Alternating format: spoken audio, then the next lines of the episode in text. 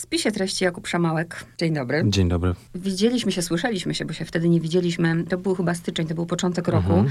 I jest październik i mamy drugą część. Pierwsza część, cokolwiek wybierzesz. Seria nazywa się Ukryta sieć, tak? Mhm, Seria tak. Ukryta sieć, cokolwiek wybierzesz. Pierwsza część i kimkolwiek jesteś druga.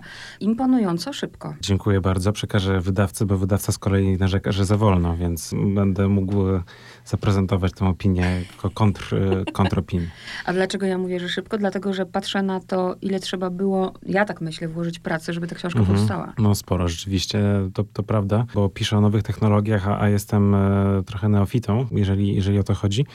Z wykształcenia jestem archeologiem i, i raczej technologie, których używałem, to była łopata, e, kilof i e, szpachelka do, do, do odgarniania gruzu. I, i, i tymi e, no, nowszymi technologiami się zainteresowałem bliżej jakieś 3-4 lata temu, także cały czas mam wrażenie, że jeszcze jest dużo do nadrobienia. No ale robię co mogę, żeby samemu nadrobić, zrozumieć i potem to jeszcze opisać tak, żeby czytelników zebrać ze sobą na tą podróż. Jak ty mówisz, że mało wiesz, to ja nie wiem, co, co, co myśleć o sobie, ale to jest takie faktycznie ciekawe, bo z wykształcenia jesteś archeologiem i też pisałeś wcześniej o tych czasach Mhm. e, starożytnych i nagle przeskok. Nie powiem, że przeskok do, do, do świata przyszłości, bo, bo to jest chyba świat, który, który nie jest przyszłością, który się dzieje. Właśnie nie. E, Ciężko czasami w to uwierzyć, ale, ale nie, to już wszystko się albo wydarzyło, albo, albo absolutnie może się wydarzyć i są, i są już technologie, żeby te wydarzenia rzeczywiście w, wprowadzić w życie.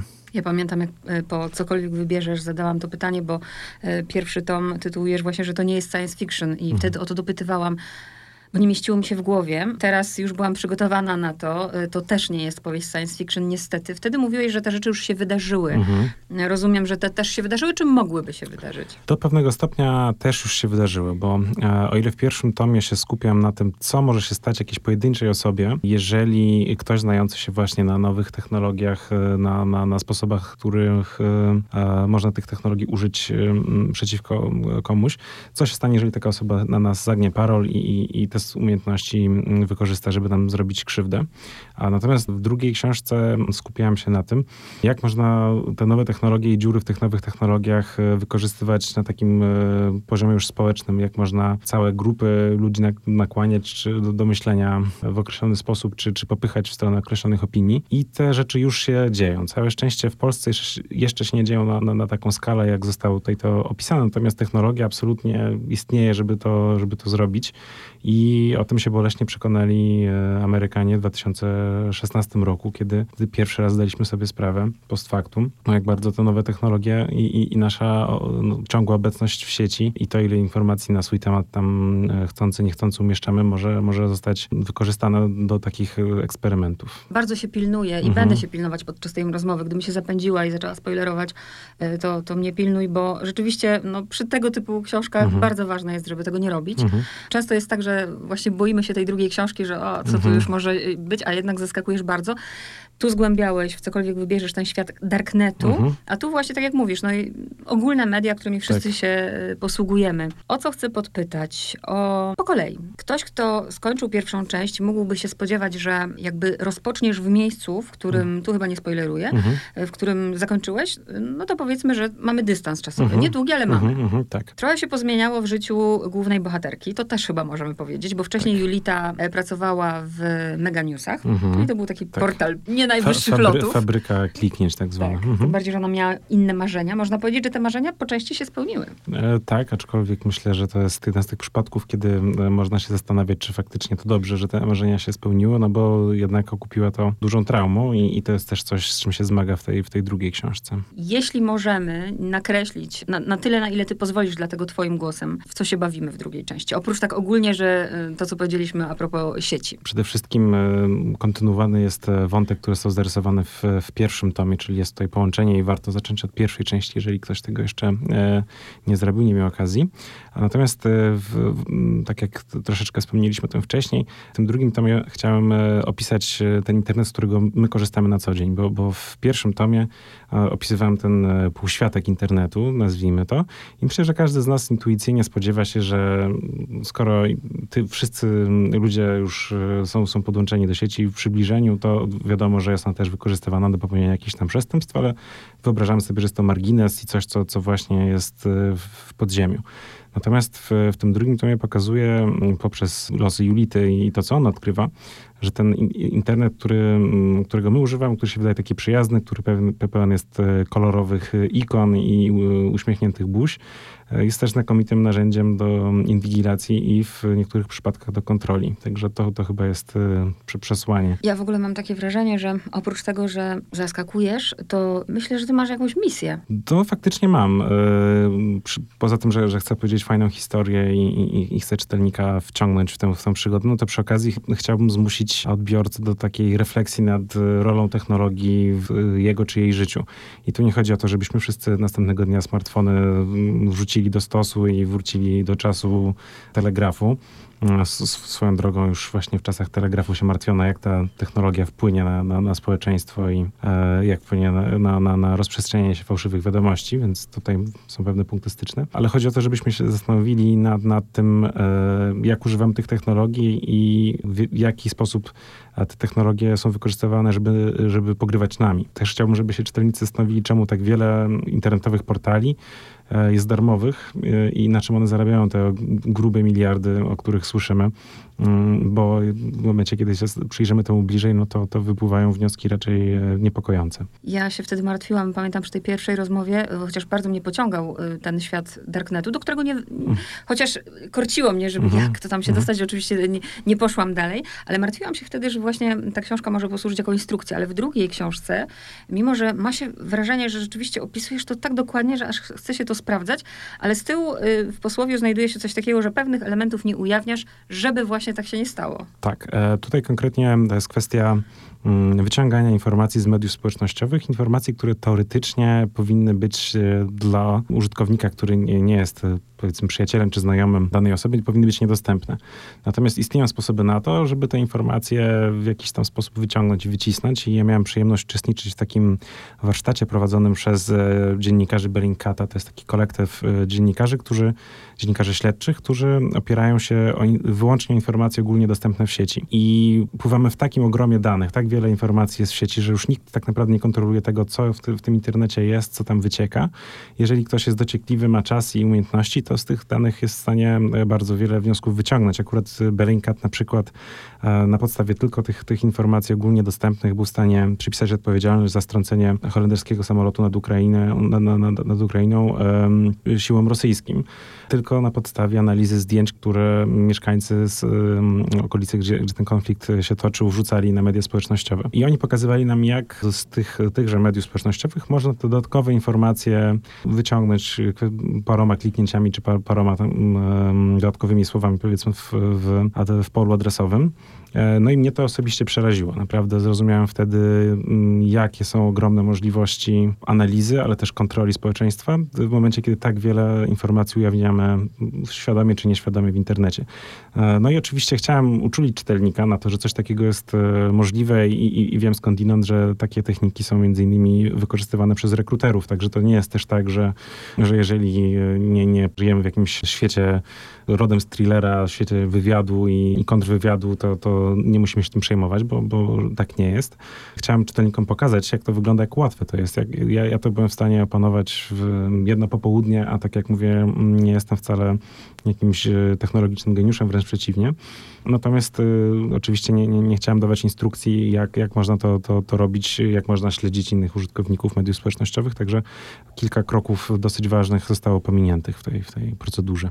I bardzo dobrze. Ja mhm. jeszcze zanim przeczytałam tę książkę, bo przeczytałam ją dzisiaj o drugiej w nocy skończyłam, to byłam e, parę tygodni temu, miesiąc w sumie, na spotkaniu ludzi myślących w Sopocie. To jest jakby spotkanie wszystkich blogerów, vlogerów z Polski, no, którzy teraz uważam, że mają ogromną siłę właśnie we wpływaniu na, na, na społeczeństwo. I też byłam w szoku, jak były warsztaty na temat tworzenia fake newsów, jak to działa. Mhm. Tam pierwszy raz mi się otworzyły oczy. Twoja książka jeszcze to pogłębiła, ale chcę zapytać o to, jak ty się, no bo żeby napisać taką książkę, trzeba jednak zdobyć naprawdę wiedzę czy, czy nie było problemu z dopuszczeniem cię do takiej wiedzy? Nie, nie, bo ja, ja się poruszam wyłącznie wśród informacji ogólnie dostępnych, także tutaj nie ma żadnych poufnych rzeczy, które ktoś mi zdradził pokątnie. To są wszystko rzeczy, o których można przeczytać, które są gdzieś opisane, natomiast mało jest, wydaje mi się, za mało. Miejsc, gdzie można by to o tym poczytać e, w, w jednym miejscu w taki sposób przystępny dla, dla przeciętnego czytelnika czy użytkownika sieci. Natomiast to, to nie są żadne, żadne tajemnice, to się wszystko dzieje, to wszystko jest, to wszystko jest otwarcie pisywane, także nie, nie ma co się też martwić, że, że ktoś przyjdzie zarekwirować tę książkę jako, jako źródło informacji poufnych albo tajnych. Myślę też o, bo tu też chyba nie spoileruję, jak mówimy o manipulowaniu społeczeństwem i mówimy o sytuacji wyborów. Mhm. Czy ty, kończąc tę książkę w styczniu, miałeś już to w planie, że w tym czasie będą w Polsce wybory i ty właśnie o tych wyborach piszesz? To było zamierzone? Tak, tak, tak. Chciałem trafić tym drugim tomem e, w okolice wyborów. E, niekoniecznie przed wyborami, bo wiadomo, że wtedy wszyscy żyją, żyją czym innym, ale, ale w, chciałem na pewno, żeby ta książka się ukazała w momencie, kiedy jeszcze pamięć tych wyborów jest świeża i, i kojarzymy, jak to jest i co się wtedy dzieje w mediach.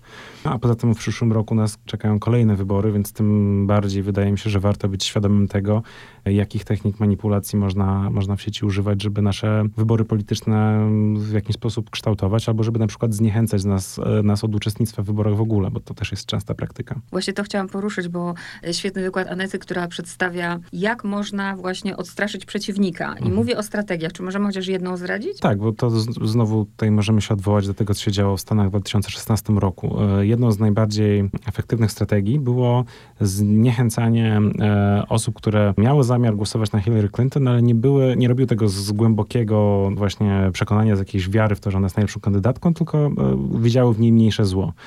I sztab wyborczy Trumpa, tam jest taki no, makiaweliczna postać, Brad Pascal, który jest szefem jego kampanii internetowej, który się chwalił, że oni dziennie pokazują, jeżeli dobrze pamiętam, 30 tysięcy wariantów reklam różnych e, w internecie w, to w okresie kampanii wyborczej. Wydali na to jakieś no, grube, grube milion dolarów, którzy jego, jego e, ludzie identyfikowali tych wyborców, którzy właśnie m, mm, zamierzali głosować na Hillary Clinton, ale raczej nie byli e, jej zagorzałymi fanami i im pokazywano reklamy, czy pokazywano im materiały, które niekoniecznie nawet były w jasny sposób określone, opisane jako, jako reklamy, pokazujące Hillary Clinton z tej gorszej strony, wyciągali jakieś jej wypowiedzi sprzed 15-20 lat, które dzisiaj e, Hillary Clinton wolałaby zakopać gdzieś i, i schować pod dywanem. I okazało się, że, że było to bardzo, dawało bardzo wymierne korzyści. Rzeczywiście w tych kluczowych hrabstwach, w tych kluczowych okręgach wyborczych udawało im się osiągnąć zaskakująco dobre wyniki. Jak wiemy, niektórzy dalej stosują te metody. Mam takie w ogóle wrażenie, że no świetnie opisałeś tą sytuację i tę rzeczywistość, która nawet się zastanawiałam, jak to z perspektywy za 20 lat, mhm. jak pięknie będziemy mogli odczytywać, e, co tu się działo. E, ale to nie tylko to. E, muszę cię podpytać, czy ty pracowałeś kiedyś w korporacji? Takiej korporacji, jaką tutaj opisuję, to nie. Dzielę swój czas między pisaniem książek, a, a pracę w CD Projekcie, czyli w, w producencie gier takich jak Wiedźmin na przykład, ale nie powiedziałbym, żeby to była klasyczna korporacja przy wejściu wisi wielki napis, który oświadcza dumnie, że jesteśmy, po angielsku ten napis brzmi We are rebels, czyli jesteśmy jakimiś wywrotowcami czy, czy buntownikami, no i faktycznie e, nie, nie jest to klasyczna firma, także nie to było źródłem inspiracji, natomiast bo czytałem... Właśnie chcę wiedzieć skąd, tak, skąd tak. taka doskonała znajomość. E, tak, bo jeden z bohaterów książki jest e, chłopak, który pracuje jako moderator w dużym portalu społecznościowym i a o tym się mało mówi, a to jest ciekawy temat i wydaje mi się, że bardzo ważny dla nas, bo media społecznościowe coraz bardziej stają się taką agorą, miejscem spotkań, miejscem, w którym wygłaszamy opinie, w których nabieramy opinii poprzez obserwację aktywności innych co decyduje o tym, co na tych mediach można pisać, a czego nie można pisać, co można pokazywać, czego nie można pokazywać. Otóż jest zbiór zasad, który e, jest e, właśnie w, przez, przez właścicieli takich e, mediów spisywany i on nie jest oparty o jakiś e, ogólnie przyjęty zbiór e, zasad czy wartości, tylko jest to robione dosyć chaotycznie, zwłaszcza w tych początkowych dniach to było często spisywane na kolanie i zmieniane co tydzień, albo zmieniane na podstawie jakichś niespodziewanych przypadków, z którymi trzeba było sobie radzić. I w dużej części tę kontrolę wykonują już e, zautomatyzowane algorytmy, czyli na przykład mhm. treści drastyczne są natychmiast e, kasowane. Ale jeżeli chodzi o, o to, co piszemy, o, o, o cenzurę czy kontrolę treści, to e, moderatorzy, kiedy coś zostaje zgłoszone, muszą przeczytać i zadecydować, czy coś jest właściwe, czy niewłaściwe, czy należy usunąć, czy, czy nie. I na przestrzeni ostatnich dwóch lat dosyć dużo informacji na ten temat wyciekło, bo to długo był taki aspekt działalności mediów społecznościowych, który był no, nieeksponowany, może wręcz świadomie był troszeczkę ukryty, bo jak się okazuje, ci ludzie pracują często za bardzo niewielkie pieniądze i w bardzo, bardzo ciężkich warunkach. Oczekuje się od nich, że dziennie przeklikają setki czy tysiące takich wpisów, które często są szalenie drastyczne.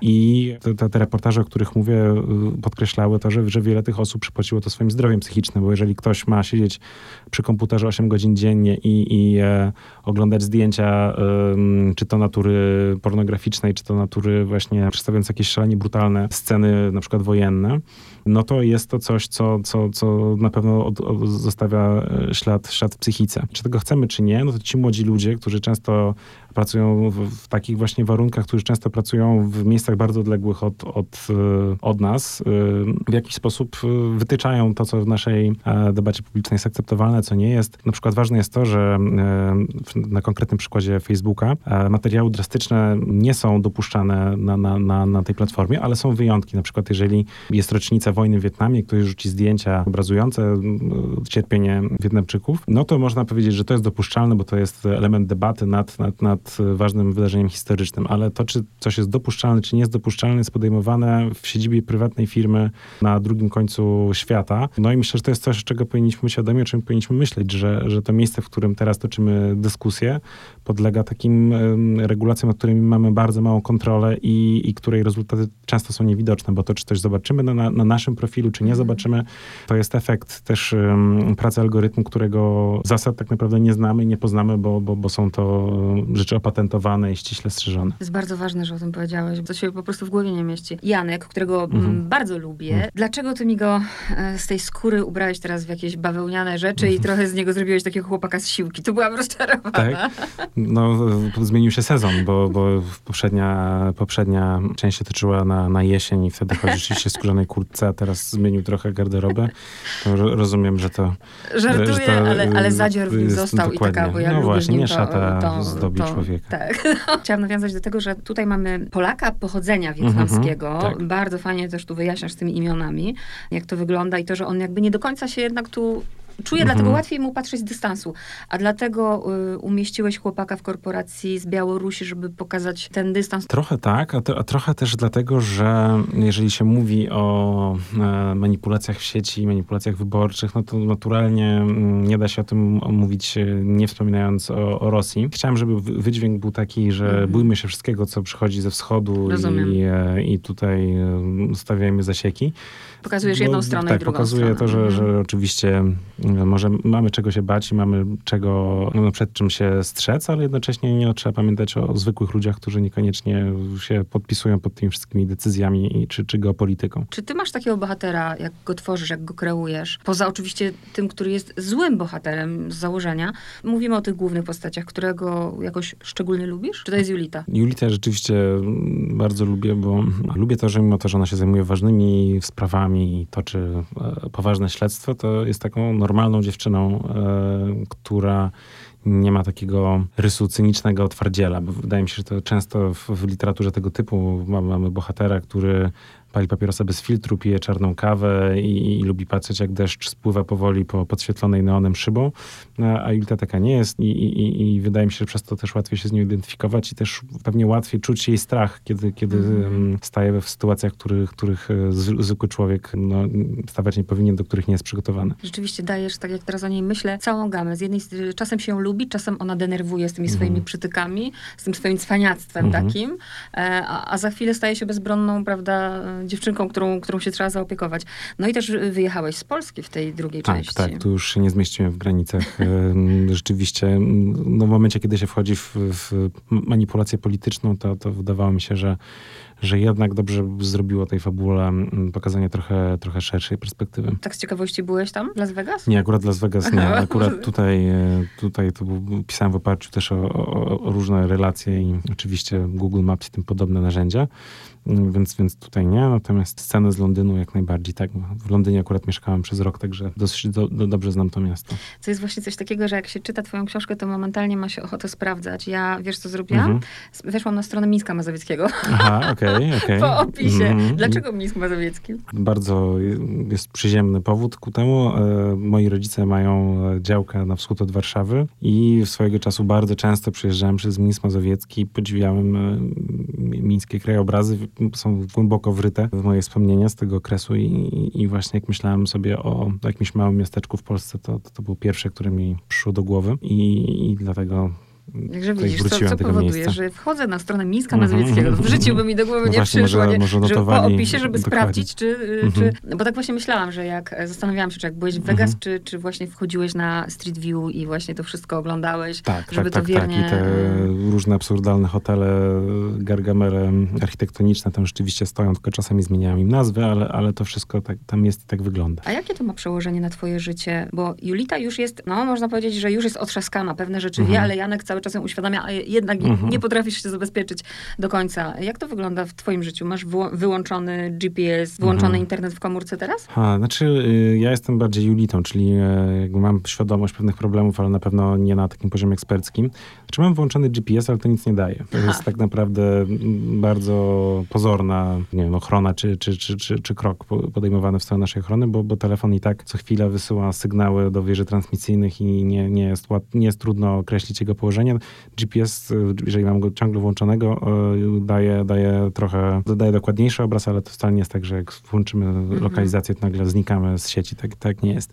Natomiast bardzo e, ostrożny jestem, jeżeli chodzi o instalowanie różnych aplikacji, udostępnianie swoich danych, zwłaszcza danych osobowych. I tutaj przywołam taki ciekawy eksperyment, który New York Times wykonał e, w zeszłym roku, na jesieni zeszłego roku. Oni zebrali dane takiej firmy, która właśnie agreguje dane zebrane z, z różnych darmowych aplikacji, które są anonimizowane. I to działa tak, że jeżeli na przykład instalujemy sobie aplikację, która ma sprawdzać pogodę w naszym mieście, no to ta aplikacja żąda dostępu do naszej lokalizacji, no co wydaje się być może sensowne ale te aplikacje często sprawdzają nasze położenie nawet po kilka razy na minutę i te informacje wysyłają z powrotem do producenta czy właściciela tej, tej, tej aplikacji, a potem są sprzedawane na przykład reklamodawcom, którzy chcą wyświetlić reklamę ludziom, którzy się pojawiają w konkretnej okolicy. I teraz te dane są anonimizowane, nie są oznaczone naszym imieniem i nazwiskiem, ale jeżeli się na nie spojrzy, to, to jest bardzo niewiele osób, które się budzi w naszym łóżku, potem jedzie do szkoły naszego dziecka, a potem jedzie do naszego biura i spędza tam kolejne 8 godzin, a potem wraca, powiedzmy,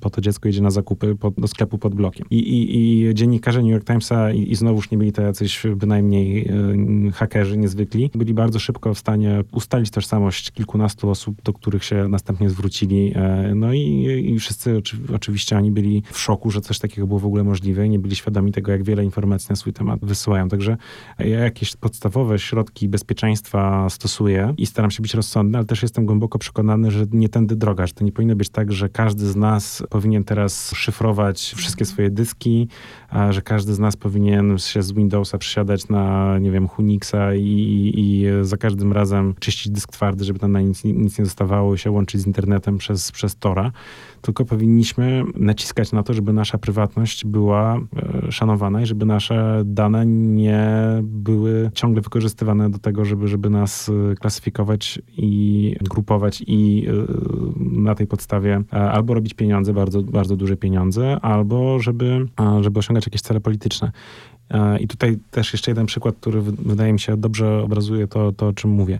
Facebook jakiś czas temu pochwalił się, że wykonał taki eksperyment na użytkownikach Facebooka. Mianowicie e, jednej grupie kontrolnej, no, przepraszam, jednej grupie pokazywał tylko statusy, które nie zawierały słów sugerujących smutek czy rozczarowanie, a drugiej grupie pokazywał wszystkie, wszystkie statusy i okazało się, że potem te osoby, które widziały tę przefiltrowane, weselszą wizję świata, zobaczyły, bo potem sami pisali statusy, które były um, bardziej, um, bardziej wesołe, czy, czy, czy zawierały bardziej, wiele, więcej pozytywnych słów. Ten efekt był bardzo niewielki, jeżeli dobrze pamiętam, to było mniej niż procent, ale w momencie, kiedy obie grupy liczyły po kilkadziesiąt tysięcy, czy kilkaset tysięcy ludzi, no to y, realny wpływ na, na ileś tam osób został osiągnięty. I w tym momencie mm, podniosło się larum, no bo Facebook nie konsultował tych użytkowników, nie pytał się ich, czy chcą wziąć udział w takim mhm. eksperymencie.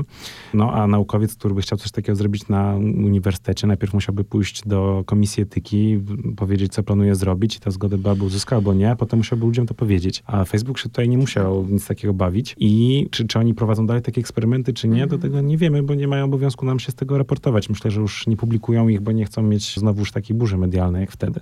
A wymyślają coraz to nowe aplikacje, żeby ludzi przyciągać. Korzystałeś z tej postarzania się? Ja nie. E, nie, nie korzystałem, bo to, to już całe szczęście przypadło w takim momencie w mojej większej świadomości i, i to, jest, to jest bardzo ciekawe, bo teraz jest taki wyścig o to, kto zbuduje najlepszy system rozpoznawania twarzy automatycznego. To jest bardzo też ważna gałąź teraz technologii i też niepokojąca, jak się patrzy na to, co się dzieje w Chinach, gdzie, gdzie jest prowadzany powoli tak zwany Sesame Credit, taki sezamowy system punktacji, gdzie kamery miejskie e, automatycznie rozpoznają e, obywateli e, i przypisują punkty za zachowanie poprawne albo niepoprawne, które potem są wykorzystywane, żeby komuś albo przyznać kredyt, albo go nie przyznać. W Stanach e, wiele linii lotniczych już nie prosi o paszport, tylko uśmiechają się pasażerowie do e, kamery, kamera rozpoznaje ich nie na podstawie paszportu, który trzymają w ręku, bo coś takiego w Europie już możemy robić, tylko gdzieś tam w, w chmurze sobie nasze zdjęcie wisi i tylko, a, i tylko się ktoś uśmiecha do kamery i się drzwi otwierają albo nie otwierają.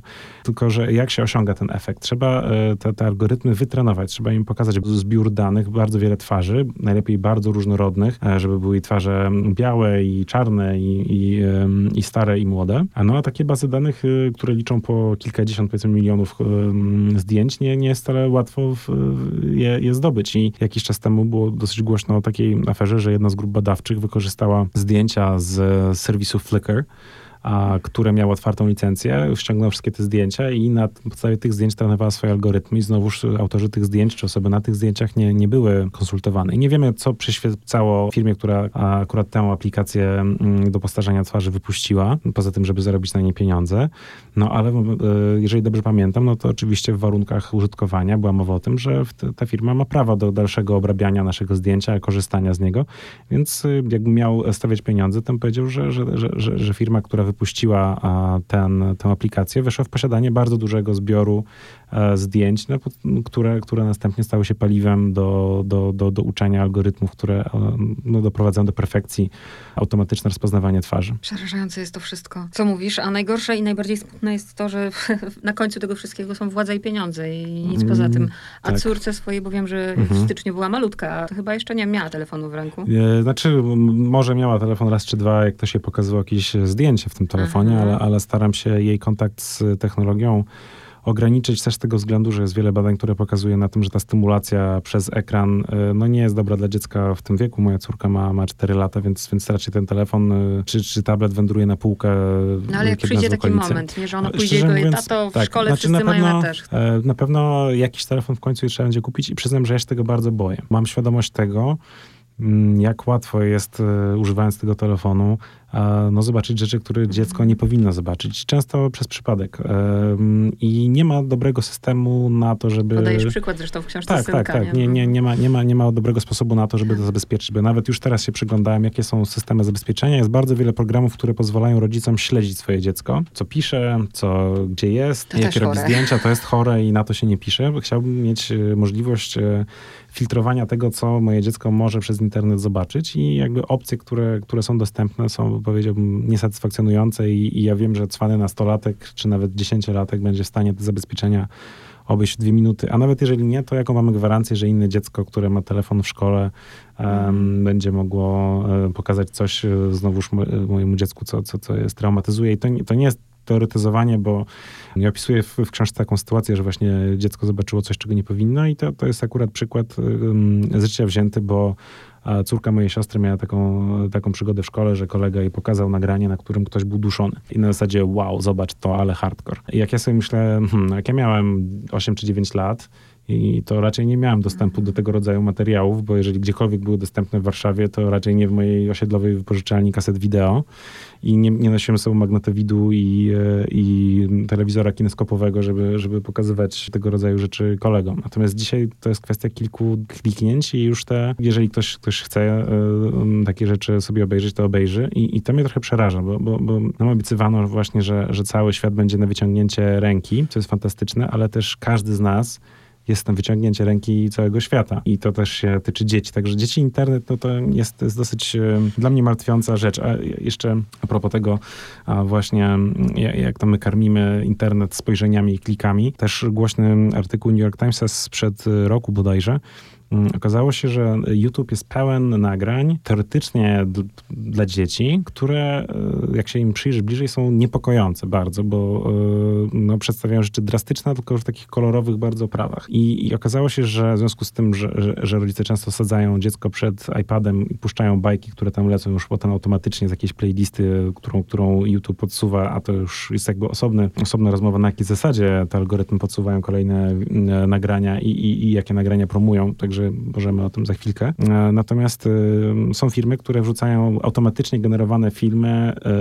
po prostu wrzucają do sieci hurtem setki gigabajtów nagrań, które, które nie są stworzone już przez człowieka, tylko są jakimś takim montażem zrobionym przez maszynę, który no, w najlepszym wypadku efekt jest lekko oniryczny, a w najgorszym jest to horror, y, tylko że w cukierkowej oprawie. I y, jakby jeżeli się dziecko zostawi samo przed, przed iPadem, czy, czy iPhone'em, czy przed komputerem, pozwoli mu się przeklikiwać przez nagrania, które na pierwszy rzut oka z perspektywy rodzica, który gdzieś tam w kuchni stoi i kroi, wyglądają zupełnie niewinnie, no to się okazuje, że, że, że wcale niewinne nie są. Boże, przeciętny człowiek nie ma w ogóle o tym pojęcia, no bo to no, nie pomyśli. Niestety. No powiedz, bo to już ciekawe, na jakiej zasadzie ta playlista? Tak, no więc y, wszystkie media, które są darmowe, teoretycznie, czy wszystkie platformy, które oferują nam darmową rozrywkę, czy to są media społecznościowe, czy to są e, właśnie takie st strony jak YouTube, które, które umożliwiają nam oglądanie telewizji, no, zarabiają na tym, kiedy my widzimy reklamy. A im więcej reklam zobaczymy, tym większy jest, albo im więcej ich klikniemy, tym więcej, większy zarobek. Więc e, oczywistym e, celem e, takiej platformy jest to, żebyśmy jak najwięcej czasu spędzali w internecie.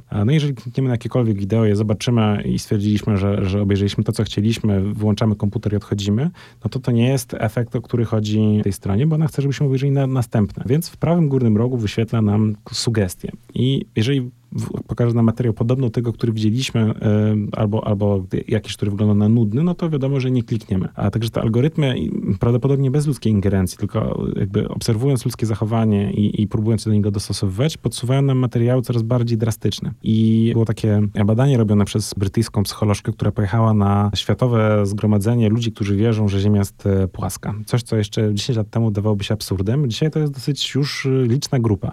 I przeprowadziła z nimi wywiady, się pytała, w jaki sposób sposób, e, skąd ty e, doszłaś, doszedłeś do takiego wniosku, że Ziemia jest płaska. I jeżeli dobrze pamiętam, to chyba we wszystkich wypadkach był wspominany YouTube i nagrania z YouTube'a, bo e, te algorytmy podsuwają nam właśnie teorie spiskowe, jakieś bardzo dziwne nagrania, bardzo dziwne tezy proponujące, bo to jest coś, co nas zaintryguje, w co klikniemy, co przykuje nas do ekranu na dłużej, więc jest taka spirala, że zaczynamy od materiału wyważonego, powiedzmy, nawet jeżeli sobie wyjdziemy na jakiś materiał polityczny, wywiad, powiedzmy, z zgrane z telewizji, to następne wideo w kolejce będzie już e, nieco drastyczniejsze, nieco bardziej ekstremalny w, w głoszonych poglądach i tak dalej, i tak dalej.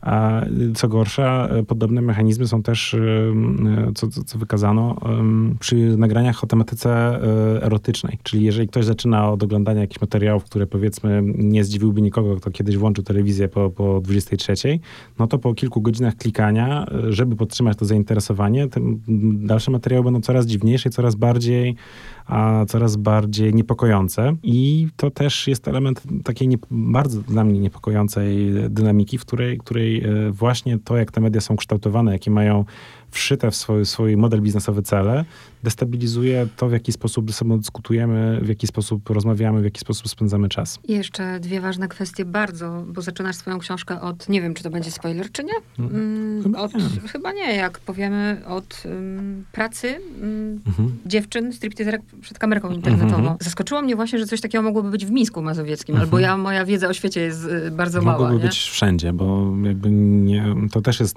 dla mnie ciekawe o tyle, że, że no, ten, ten płaski, śmia, płaski świat pozwala na, na, na, na, na tworzenie takich dziwnych biznesów. To właśnie Thomas Friedman, kolejny taki amerykański publicysta, kiedyś ogłosił w czasach, kiedy internet to jeszcze było coś ekscytującego w pozytywny sposób, że, że właśnie to wypłaszcza świat i pozwala na robienie różnych takich e, biznesów, które wcześniej byłyby niemożliwe z racji na, na to, że nas dzieli ogromny dystans. No jednym z takich biznesów płaskiego świata, jest to, że w krajach Europy Środkowej i Wschodniej powstają takie firmy, które właśnie e, sadzają młode dziewczyny przed kamerami i, i, i z drugiej strony z kolei łączą się z nimi panowie, głównie panowie z krajów zachodnich i wiadomo już mniej więcej, co tutaj się może odbywać, prawda, że dziewczyna tutaj się powoli rozbiera, a pan rzuca mhm. kolejne, kolejne dolary. I to jest bardzo duży biznes, warty wedle różnych szacunków od kilkudziesięciu do kilkuset milionów dolarów, który kwitnie zwłaszcza w Rumunii i Bułgarii, ale, ale w Polsce również jest obecny, tylko oczywiście nie, nie, nie zależy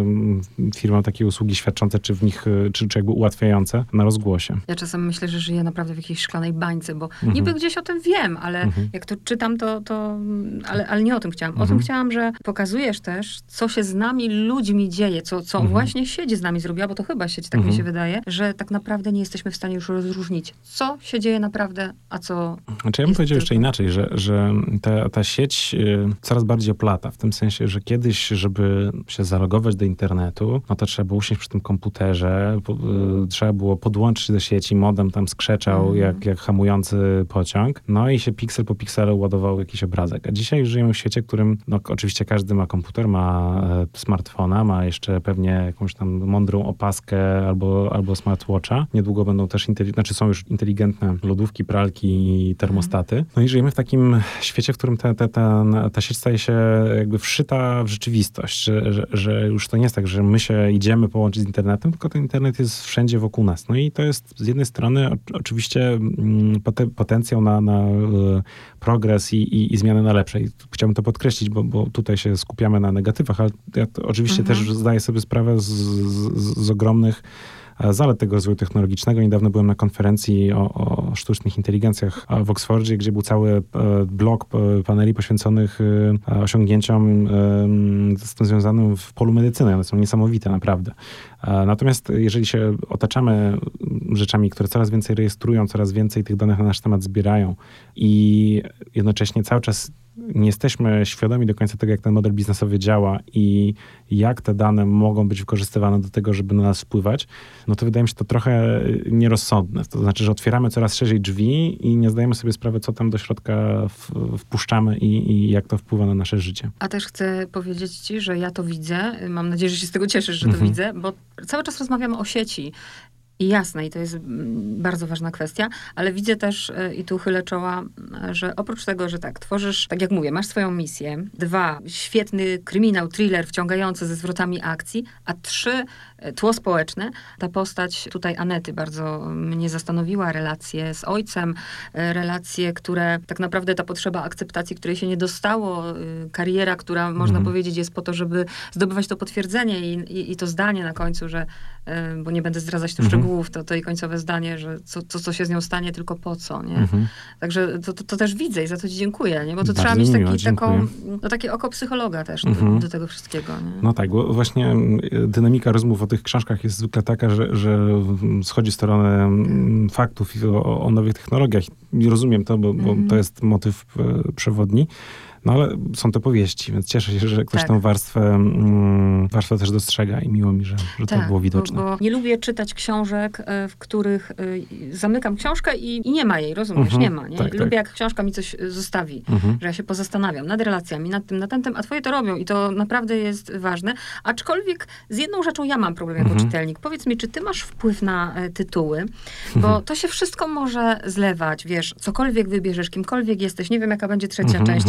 I te tytuły mhm. mi nie pasują. Hmm, to było tak, że rzeczywiście nad tytułami żeśmy bardzo długo myśleli e, w wydawnictwie i, i ten pierwszy tytuł był, był powiedzmy wynikiem konsensusu osiągniętego po długich rozmowach. Natomiast z drugim tytułem już chciałem się trzymać tej, no e, tak, no tego trendu, tak, więc, no. więc będę się tego trzymał.